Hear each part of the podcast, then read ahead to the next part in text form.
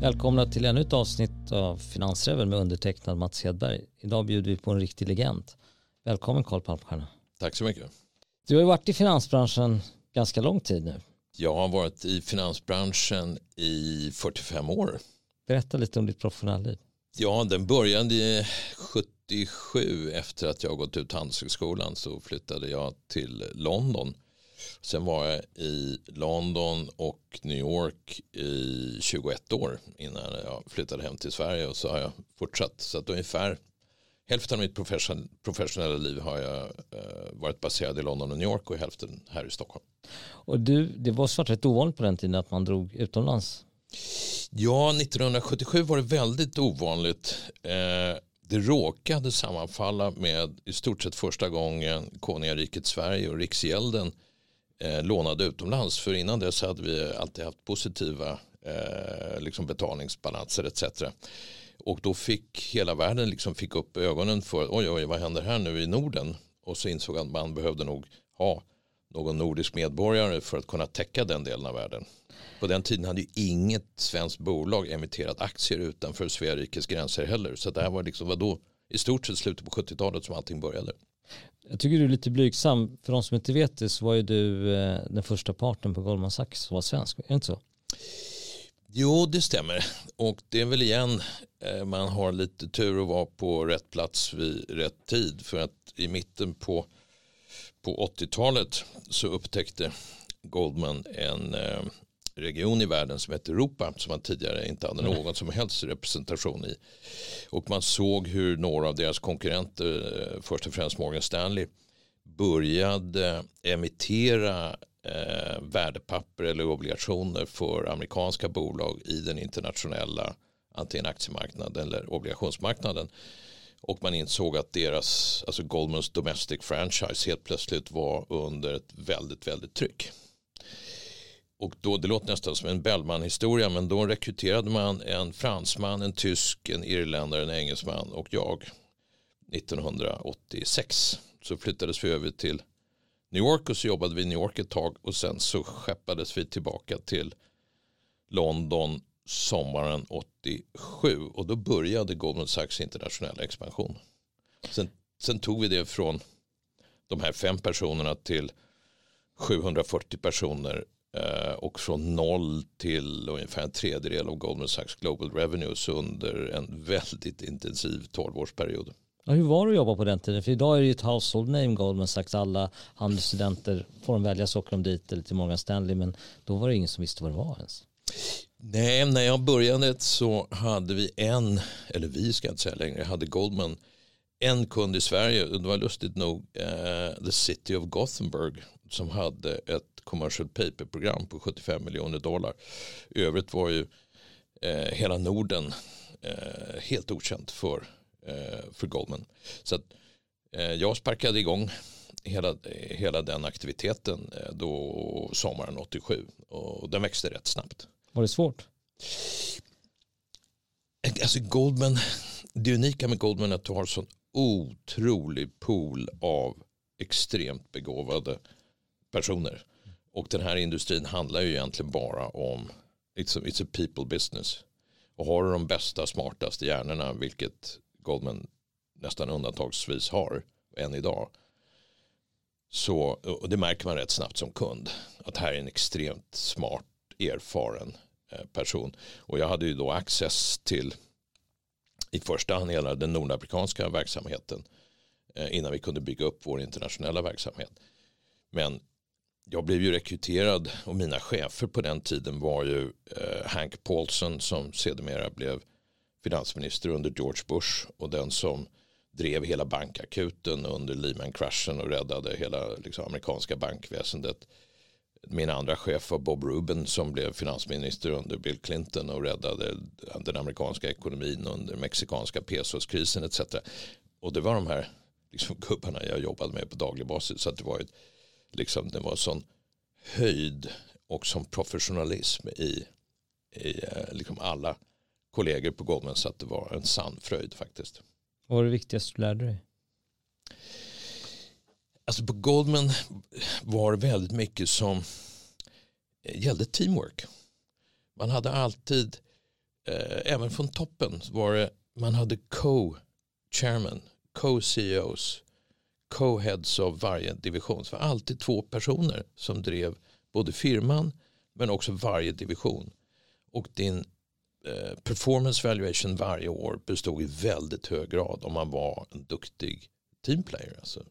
Eh, du bra i grupp såg du till att dina kollegor lyftes, eh, hjälpte du varandra, tog du vara på alla resurser som fanns etc. etc, etc. Så att hela det här konceptet med teamwork eh, var enormt viktigt. Men, och det här skapade ju, men kanske framförallt den här partnership-kulturen var så otroligt stark. Kan du berätta vad den innebar? Det var en kultur där det var det var väldigt mycket liksom en meritocracy. Alltså du, du, var du duktig så gick du upp i graderna.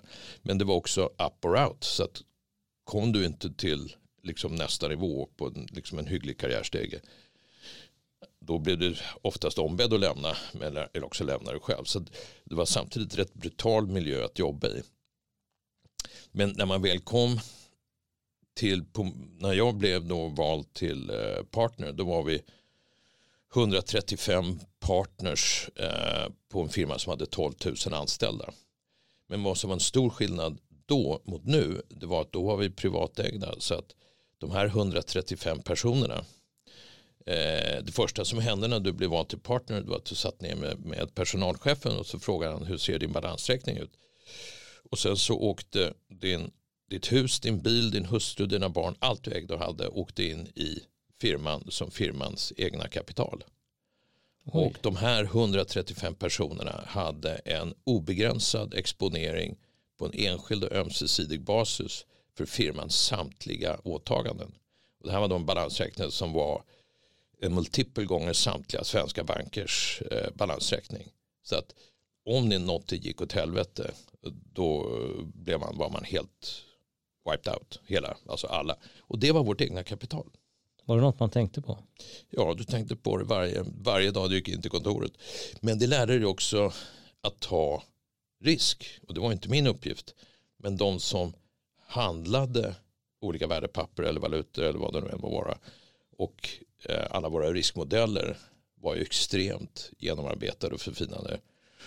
Det kom till sin spets vid ett tillfälle när Baring Brothers som var en gammal fin engelsk merchant bank gick i konken därför man hade en, en Rogue Trader som då hade bokat eh, Nick Leeson. Eh, Nick Leeson, ja, exakt. Som hade bokat vissa oblig, liksom, obligationsdeals på en separat konto, famösa 888-kontot. Eh, och banken gick i konkurs. Och självklart kallades då alla partners till ett, ett eh, morgonmöte i London och vi, på den tiden kanske vi var 10-12 partners i, eh, utanför Amerika. Och frågan vi ställde självklart till alla våra traders och risktagare var ju kan det här hända Goldman? Kan det här hända oss? Det vill säga kan vi alla, allt som jag sparat kan du helt enkelt vara borta imorgon. Och de kom ju med en massa förklaringar om hur sofistikerade alla våra riskmodeller var etc. etc, etc. Men alltså bottom line var ja det är klart det kan göra det. Och då, då, så att liksom, då ställde sig verkligen saken på sin spets. Lyckligtvis hände ju inte det, men, men eh, för firman gick, gick, eh, gick väldigt bra oftast. Men, men man lärde sig eh, att hantera risk. Jag är rätt övertygad om att om Goldman hade stannat som ett privat partnership snarare än gå på börsen som man gjorde så tror jag att man hade överlevt bankkrisen. För man, man har en tendens att ta lite annan risk med sina egna pengar än andras pengar. Yep. Och så lämnar du, varför gjorde du det? Och när lämnar du? Jag lämnade då eh, 12 år efter att jag började. Eh, och det var 12 år med mellan 200-220 resdagar per år och aldrig en arbetsvecka under 100 arbetstimmar i veckan. Och eh, konceptet att ha semester var rätt obekant för, för Goldman. Så det var väldigt intensiva år. Samtidigt hade jag eh, en svensk hustru med ett väldigt eh, stort mått av tålamod och tre engelska barn. Så att vi, eh, min kära hustru och jag satt och debatterade det här fram och tillbaka. Det var ett svårt beslut men vi beslutade oss för att flytta tillbaka för att vi kände att vi skulle ge våra barn svenska rötter. Så att vi flyttade tillbaka då på, på och då, vid det laget, jag hade i och för sig öppnat ett verksamhet här, vi hade ett kontor för Goldman i, i Stockholm. Men allting centrerades ju kring liksom London och New York och sitta i en, liksom en satellit i Stockholm. Eh, det är lite grann som att sitta ute i kylan. Så att jag beslutade mig då för att lämna och vi flyttade tillbaka till Sverige helt enkelt. Och vad gjorde du då? Då drev, körde jag igång en, ett eh, riskkapitalbolag. Eh, och eh, samtidigt som man liksom landade i den här enorma it-hysterin som där slutet på 90-talet strax innan millenniumskiftet. Som var ett väldigt svenskt fenomen. Eh, det fanns ingenting av det i London. Det fanns några, kanske ett embryo till det hela i Kalifornien, Silicon Valley. Men i stort sett var det ett väldigt svenskt fenomen. Man utvecklade teknologin för teknologins skull. Ingen hade egentligen tänkt igenom om det här var någonting som det fanns en stark liksom, kundnytta för eller om det var någon som faktiskt var villig att använda den här och betala för den utan det skapades ja, väldigt, väldigt spännande bolag men de flesta fallerade ju. Så att jag var med och för att jag förstod ingenting om det här så jag beslutade mig för att det enda sättet att försöka förstå det hela var att liksom hoppa i på väldigt djupt och kallt vatten. Så att jag var med och startade massa bolag på den tiden. Alltifrån... allt ifrån eh, Boxman som på den tiden skulle vara liksom den stora eh, e-handels första liksom e-handelsbolaget. De enda som tjänade pengar var IBM och Accenture för vi spenderade fruktansvärt mycket pengar för att bygga upp en it-infrastruktur som aldrig funkade. Nu laddar du bara ner det på nätet så är du liksom igång. Eh, så det blev ett ordentligt magplask. Eh, samtidigt var jag lyckligtvis med i någon av de här en av de riktigt, riktigt eh, stjärnsmällarna också i form av Altitun. Som var en av, de här, en, av, liksom, en av två riktiga stjärnsmällarna på den tiden. Så att, jag har varit med om både eh, extrema framgångar och extrema magplask. Förmodligen mm. fler magplask än framgångar. Men det är lite grann naturen av att investera i bolag i tidigt skede. Men man lär sig förhoppningsvis lite av bägge delar. Ja, för du lämn, har ju i praktiken lämnat. Du, hade, sen, du hade körde ju ABG Collier i Sverige ett tag. Ja. Men sen blev du privatinvesterare? Ja, eh, jag blev övertalad att gå tillbaka in i investment banking av eh, min gamle vän Jan Petter Collier som då var, blev min ordförande. Och, eh, så jag drev igång ABG Sundal Collier 2002 tror jag hoppade på det. Och jag sa till Jan Petter jag gör det här i fem år och, och det, vi hade ju en väldigt, igen, väldigt tur med marknad, alla marknader liksom gick åt rätt håll så det gick ju väldigt bra. Så jag stöpte om den verksamheten och eh, jag tror när jag började var vi 32 personer av dem var det tror jag max 6-7 kvar. Eh, och vi var ungefär 90 när jag lämnade men vi omsatte då några hundra miljoner och tjänade väldigt mycket pengar. Så det var en väldigt lyckosam start och sen har de byggt vidare på det här självklart så att idag är ju ABG möjligen tillsammans med Carnegie, liksom de två Mm. absolut ledande investmentbankerna. Så, så det var skojigt. Sen skulle jag lämna och bli en privatinvesterare. Då landade jag i ett eh, multifamily office som, het, som på den tiden hette Valbay som var Sveriges största oberoende multifamily office, alltså oberoende av bankerna. Eh, och började som kund, sen blev jag tillfrågad av styrelsen om jag ville bara se över lite grann deras strategi.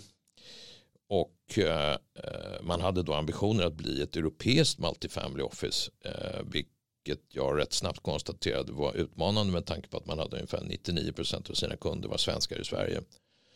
Och där man byggt upp en väldigt stor apparat i Luxemburg. Som kostade väldigt mycket pengar. Eh, så att eh, sen fattade jag ett dåligt beslut. Eh, för de bad mig då implementera en ny strategi. Det vill säga att satsa på Sverige och dra ner på det internationella. Eh, då sa jag att jag gör inte det om jag inte får komma ombord som delägare. Mm. Så att jag började som ordförande, blev arbetande ordförande, investerade rätt mycket pengar. Eh, ja, såg till att en av de två grundarna lämnade och så tog jag över som vd. Eh, så att, sen blev det en väldigt, väldigt kraftig omstrukturering av det bolaget och, och samtidigt som vi kom in i 2008 när, när alla liksom, marknader tankade. Så att assets under management gick ju ner rätt dramatiskt i värde samtidigt som vi hade en alldeles för stor kostnadskostym. Men det slutade i och för sig lyckligt för att eh, vi sålde bolaget till Söderberg Partners eh, där man ut, utgjorde grunden till Söderberg Partners satsning på liksom high net worth individuals, alltså private banking och family office-sidan som har varit otroligt framgångsrik eh, på Söderberg Partners. Så att, liksom, någonstans slutet gott, allting gott, bortsett från att man förlorade en jävla massa pengar under resans gång. Det kanske har hämtat hem. ja, både och. Det är sådana gungor och karuseller. Mm. Men eh, om man drar tillbaka klockan till när man landade i Sverige då på slutet av 90-talet. Sen dess har jag ägnat eh, mer och mer av min tid och framförallt en väldigt stor del av familjens tillgångar. Eh, oftast alldeles för mycket enligt min fru i alla fall. Att ta eh, investeringar i bolaget tidigt skede. Så att det har jag gjort i nu i ja, vad blir det, 25 år. Vilket jag tror inte jättemånga privatpersoner har hållit på med i alla fall. Har du gjort för att du tycker det var kul? Ja, det är fruktansvärt roligt. Eh, oftast har jag, är det något teknologiinslag i de bolagen som jag investerar i, vilket i och för sig är obegripligt för jag är nog den minst tekniskt begåvade person du någonsin kommer att träffa. Men, men eh, det är väldigt spännande. Det är väldigt, man lär sig väldigt mycket, men framförallt är det väldigt, eh, alltså det genererar väldigt mycket energi att jobba med unga duktiga entreprenörer de flesta jag jobbar med är liksom 30-40 år yngre än vad jag är och det är, det är förbannat. Håller det ung? Det håller mig väldigt ung och väldigt nyfiken. Kul. Men du, eh, vad, vad tittar du på innan du investerar? Det är ju alltid en fråga om grundare och ledning. Eh, och det är, inte, det är ju ingenting unikt för min del. Att har du en jättebra ledning, jättebra grundare med någonting som är liksom, halvt om halvt okej, okay, då blir slutresultatet oftast väldigt bra. Har du en fantastisk teknologi men en dålig ledning, då blir det garanterat magplask. Mm. Så att ledning, grundare är ju A och O i det man investerar. Sen är det nästan tror jag, säga, undantagslöst att den ledning de grundare så att säga, byts ut allt eftersom. För det, många är väldigt duktiga på att starta saker men sen när du kommer in i kanske lite mer mognadsfas eller förvaltningsfas då krävs det en annan liksom skillset än vad du kanske har som grundare. När inträder det skulle du säga? Väldigt olika på olika bolag.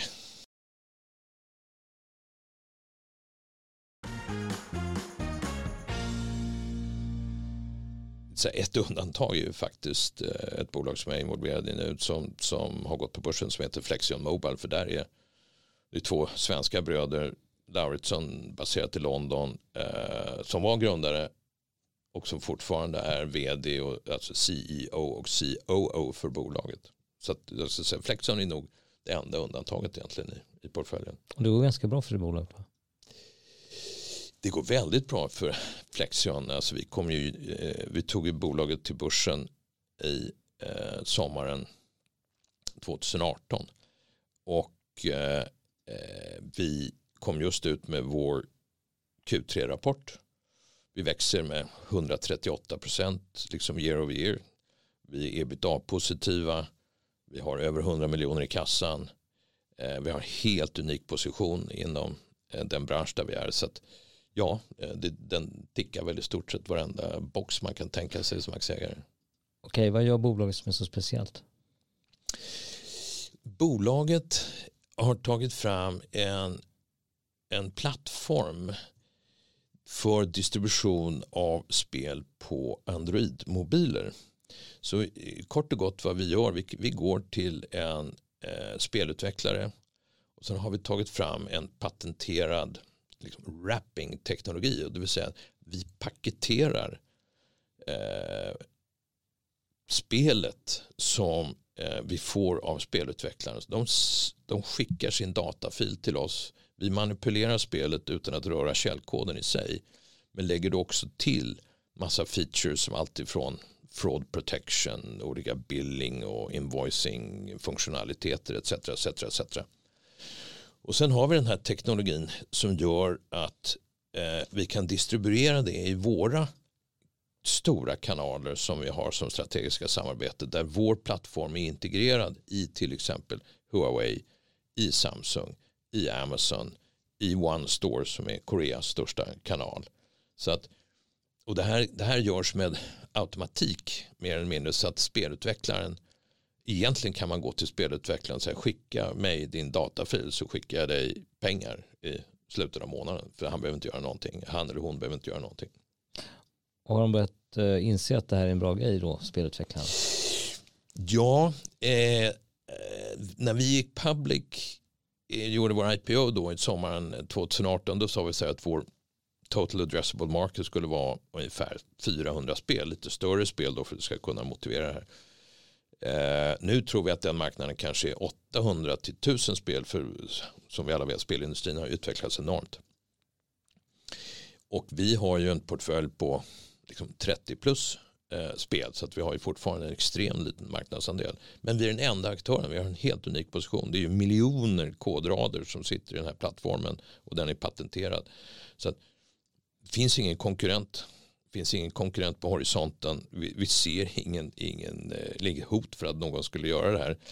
Eh, och eh, vi erbjuder här med den enda riktigt effektiva kanalen utanför Apple, iOS och Google Play. Och den här växer ju enormt. Och det är listat på Nasdaq First North om jag vet, har fattat det rätt. Det stämmer. Men du, det är okänt det bolaget.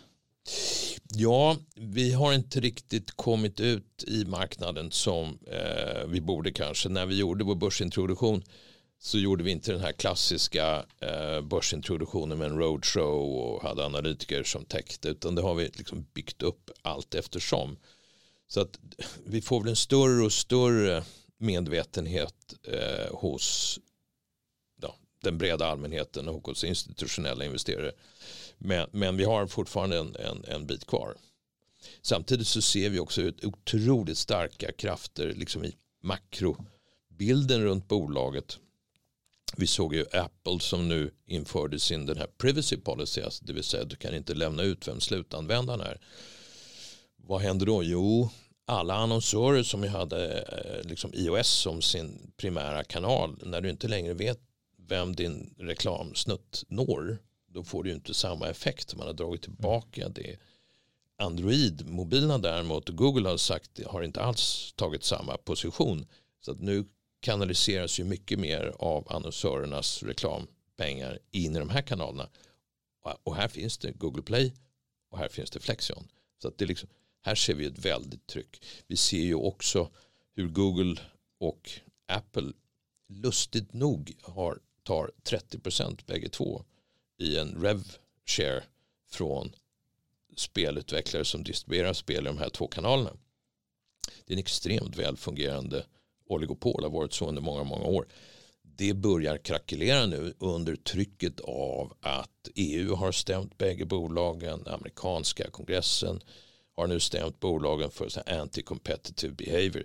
Så vi ser ju också hur, hur den här enormt starka eh, oligopolet håller på att bryta upp. Och vad innebär det? Jo, då finns det ju, då finns ju den här alt, alltså alternative distribution. Den alternativa distributionsmarknaden. Och den står vi för. Så att det är väldigt starka krafter som nu håller på att hända i marknaden som gynnar ju oss över tid. Det är kanske ingenting man kommer se nästa kvartal. Men det gynnar alltså alla tecken går ju åt rätt riktning. Va? Vi ser ju också nu hur Microsoft har ju en väldigt tydlig strategi där man säger att man ska ha en plattform agnostic strategi för spel. Det vill säga att ett spel ska kunna spelas på din PC, på din spelkonsol och eller din mobil samma spel och så har du en teknologiplattform som möjliggör spel på samtliga dessa kanaler, samtliga dessa plattformar. Och då har man då annonserat ett partnership med Amazon och det kommer nu implementeras när man laddar ner Windows 11 som ju precis har påbörjats. Eh, och vi är, Flexion är Amazons partner där vi har integrerat vår plattform med, med Amazons plattform. Med andra ord över tid när det här är fullt implementerat så kommer vi, eller våra eh, spelutvecklande kunder, spelstudier kommer få access till några hundra miljoner PC-användare som laddar ner Windows 11. Sitter med din Windows 11 och laddar ner Amazon-appen så får du tillgång till Amazon-spel och därigenom hela vår spelkatalog. Så det här har ju potential att kunna bli vår överlägset största kanal över tid. Och det här bolaget genomför en spridningsemission nu. Ja, det stämmer. Varför, eh, varför gör man det? Om, man, om det nu går så bra med det? Ja, det går bra. Vi har en stark balansräkning och vi har pengar i kassan. Så det är kanske inte det här klassiska eh, tidpunkten att göra en emission. Men vi ser också att ungefär 45 procent av aktierna sitter på fasta händer, händer däribland då de här två grundarna, Bröderna Laurisson och jag själv. Eh, och några andra som har varit med i, i många, många år. Eh, så att det finns en lite bristande likviditet i aktien och den här som du påpekade en bristande kunskap och förståelse för vad vi gör och vad potentialen är. Så då sa vi då gör vi en spridningsemission framförallt eh, riktat mot eh, retail och då väljer vi Avanza. Eh, och då gör man en sån här EU-emission eh, med andra ord att man kan göra en, en emission på rätt begränsat belopp men som når, vi hoppas på att kunna få väldigt många nya retail eh, och öka kunskapen om aktien. Det är egentligen de två. Du kan säga det är mer en, mer en marknadsföringsåtgärd än att, så att säga, vi har inget speciellt uttalat behov, specifikt behov för pengarna idag. Okej, mycket flex som blev det, men det var spännande. Du, hur många investeringar har du? I nuläget har jag en portfölj på 15-20 investeringar. Något annat bolag som du tycker är värt att lyfta? Ja, jag eh, har ju, alltså det är två bolag som jag har tagit eller varit med om att ta från tidigt stadium till börsen. Eh, och det ena är då Flexion och det andra är ett bolag som heter Freemelt som är ett otroligt spännande eh, så här deep tech-bolag som vi tog till börsen förra sommaren. Och det är helt enkelt ett alltså, det gäng ingenjörer som stod för över 80 procent av Arkhams alla patentansökningar under Arkhams livstid. Och Arkham var ett Göteborgsbaserat bolag inom så kallad additive manufacturing som blev extremt framgångsrikt och som såldes till General Electric för. Alltså 3D-printing. 3D-printing, precis.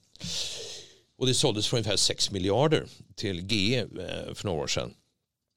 De, eh, ja, det är som allting annat här i livet. Tillfälligheter, vi snubblade på varandra. Eh, de beskrev att de trodde att de kunde, eller de var övertygade om att de kunde göra någonting betydligt bättre och betydligt snabbare med en annan teknologi än det man hade gjort på Arkham. Eh, och med tanke på den enorma framgång som Arkham var så var ju det ett rätt enkelt övertygande argument för att investera i bolaget. Så att det körde vi igång 2000 16. Så kom vi i en rätt stökig process med GE men som vi vann till 100% och år 2017 så frågade jag eh, den före detta vdn okej okay, nu ska vi koncentrera oss på affären. När levererar din första maskin? Och då tittade han på mig, Ulrik Ljungblad heter han och så sa han att eh, två, ge mig två år så levererar jag min första maskin. Och februari 2019 det vill säga exakt två år senare så levererades vår första maskin till ett världsberömt universitet i Tyskland som heter Erlangen som anses vara världens främsta inom materialforskning och materialutveckling. Eh, det tror jag aldrig har hänt i, något bolag som jag investerat i sedan 1998 att man faktiskt levererar exakt det man har sagt att man ska göra. Så det var rätt unikt i sig. Och sen, ja, det måste man ju säga. Ja, och sen har det här bara fortsatt. För bolaget är kommersiellt idag? Bolaget är i allra högsta grad kommersiellt. Eh, vi har eh, sålt eh, vi drabbades ju självklart av covid som så många andra bolag. Man kunde inte träffa några kunder och beskriva den här unika teknologin. Men vi, eh, vi har sålt en 15-20 maskiner. Amerika är vår största marknad. Eh, några väldigt prestigefyllda universitet i Amerika som har köpt våra maskiner och som utvecklar olika eh, material genom den här unika teknologin som vi har tagit fram och som är väldigt, väldigt väl patenterad också. Vi har valt där finns en oändlig uppsjö av material som man kan jobba i. Men vi har valt tre vertikaler framförallt. Och det är eh, titan för medicinska implantat, alltså axlar, höftleder, knäleder etc. Vi har valt eh, ultraren koppar för elektromobilitet, det vill säga elbilar etc.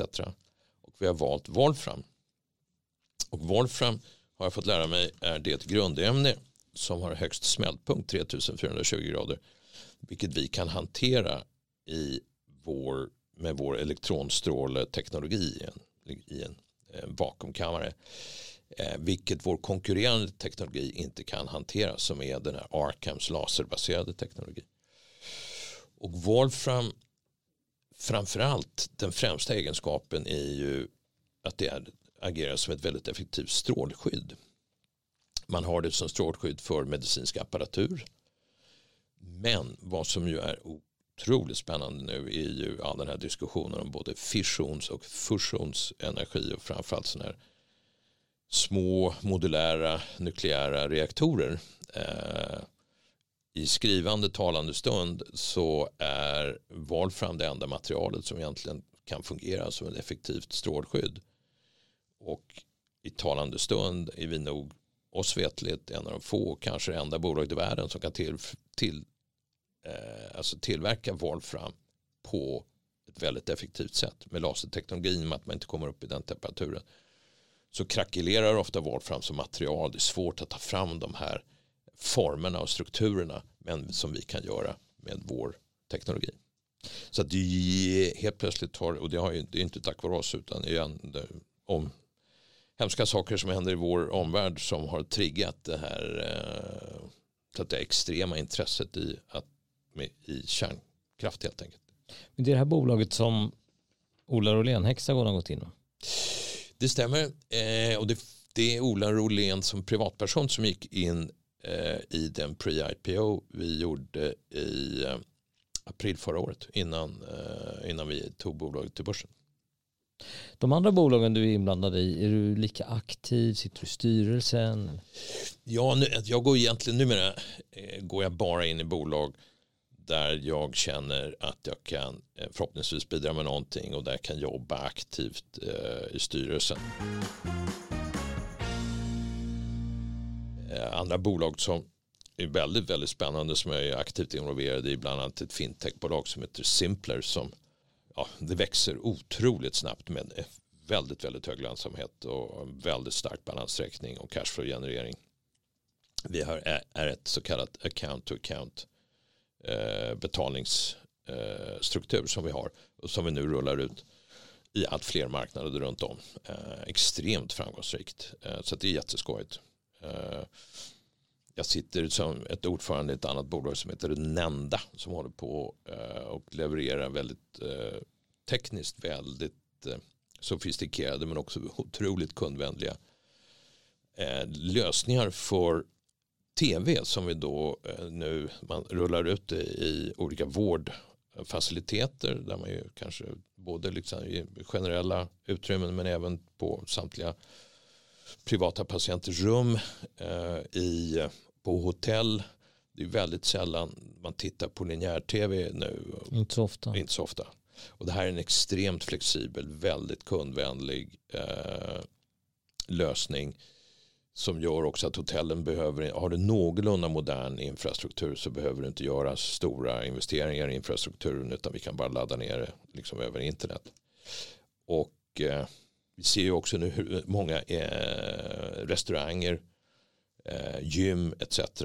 Eh, nu får in, installera vår lösning. Så det är också ett väldigt spännande bolag. Så det, är väldigt, det är lite smått och blandat, lite gott och blandat. Vad tillför du bolagen? Jag har ju 45 års erfarenhet i finansmarknaden och som, jag i och för sig större delen av den tiden har jag jobbat som rådgivare men det innebär, jag vet inte hur många kapitalanskaffningar jag har gjort om det är både publika och privata men det är eh, ruggigt många. Det, det är nog fler än de flesta nu levande mm. svenskar vågar jag påstå. Plus att jag har också varit med om att alltså köpa och sälja av företag. Det var ju självklart under hela Goldman-perioden och ABG-perioden det man sysselsatt sig med. Eh, så att det är väl liksom den här omfattande transaktionserfarenheten. Men förhoppningsvis även lite klokskap från alla magplask man har gjort uh, under livet och några udda framgångar att man har lärt sig lite grann av, av bägge delar. Ja, vad är den viktigaste erfarenheten du skulle dela med dig?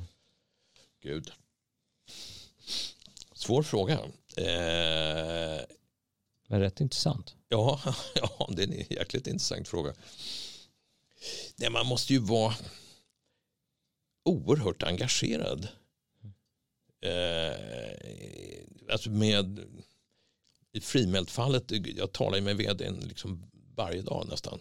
Eh, och verkligen försöka gå, gå på djupet och förstå drivkrafterna i de underliggande affärsmodellerna etc. Så man, man kan liksom inte bara dyka upp på, på styrelsemöten utan man måste vara superengagerad och nyfiken och eh, läsa, förstå vad som händer i bolagens omgivning, eh, konkurrenter etc. etc, etc. Annars kan man inte ge sig in i det här.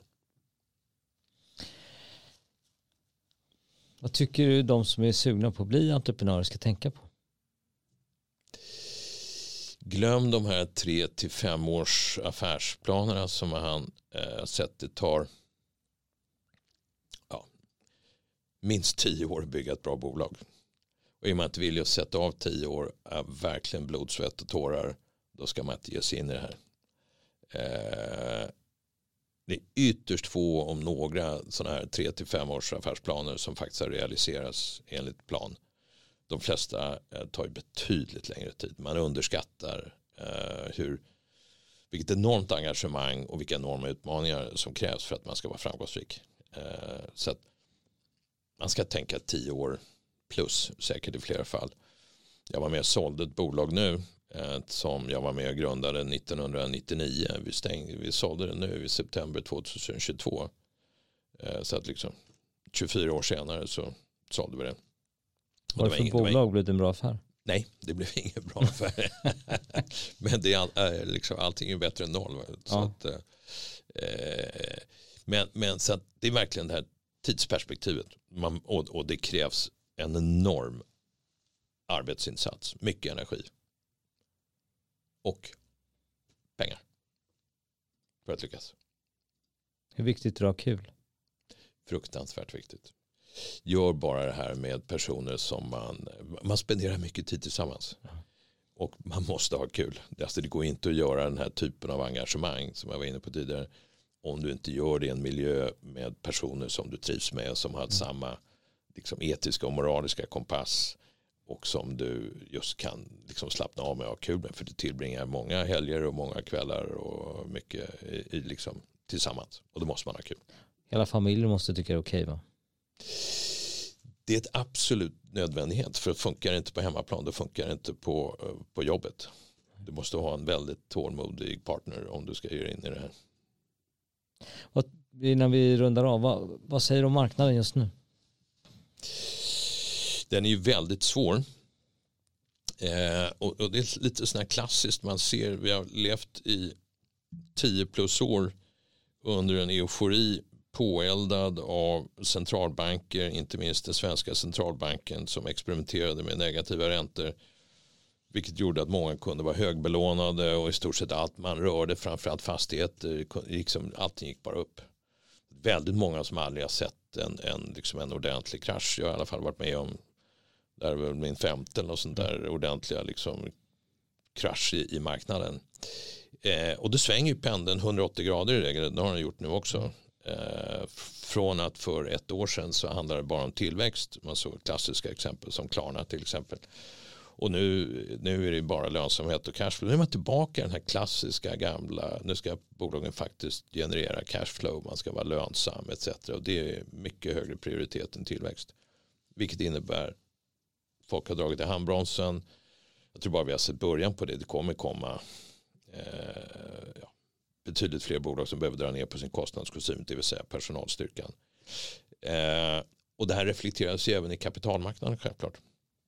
Techbolagen har gått ner kraftigt. Spelbolagen har gått ner 70-80 procent. Många fintechbolag 70-80 procent i den publika marknaden.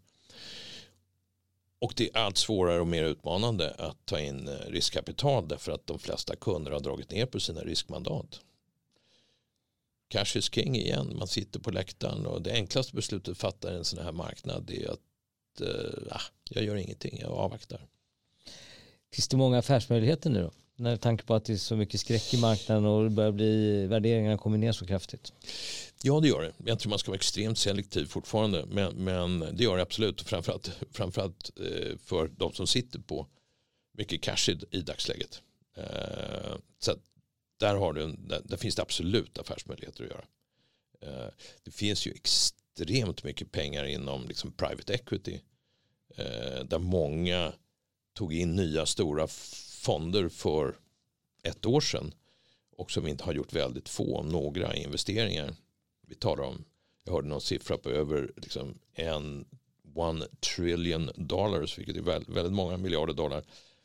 Eh, och som har suttit på läktaren nu i 12-18 månader och de har ju en investeringsperiod på kanske 3, 4, 5 år så förr eller senare kommer de börja investera. Annars måste de göra det här hemska. Man faktiskt lämna tillbaka pengarna till investerarna. Och det gillar de aldrig för då får, Nej, de, inte sin, då får de ingen, inte sin management fee.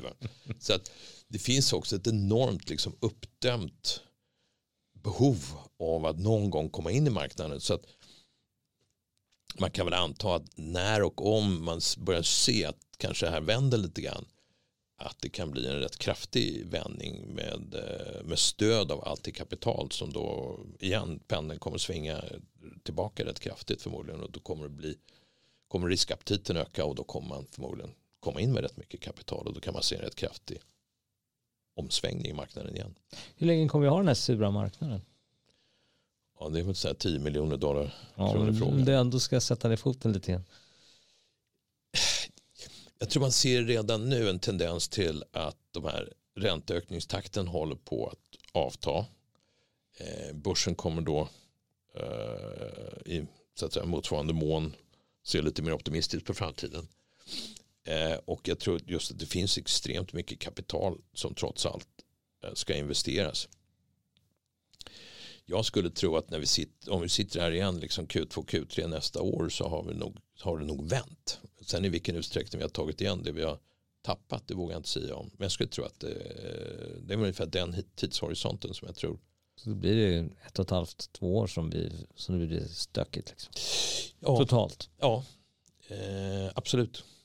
Och framförallt stökigt för dem. Vi har ju redan sett liksom, de svenska fastighetsbolagen som alla ligger högbelånade. Liksom, mm. eh, jättestökigt.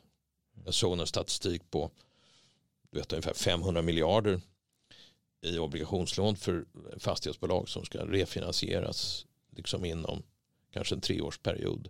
Obligationsmarknaden för fastighetsbolag är död. Och sen liksom ska bankerna refinansiera de här enorma beloppet tveksamt. Så det kommer komma stora utmaningar för vissa sektorer i marknaden.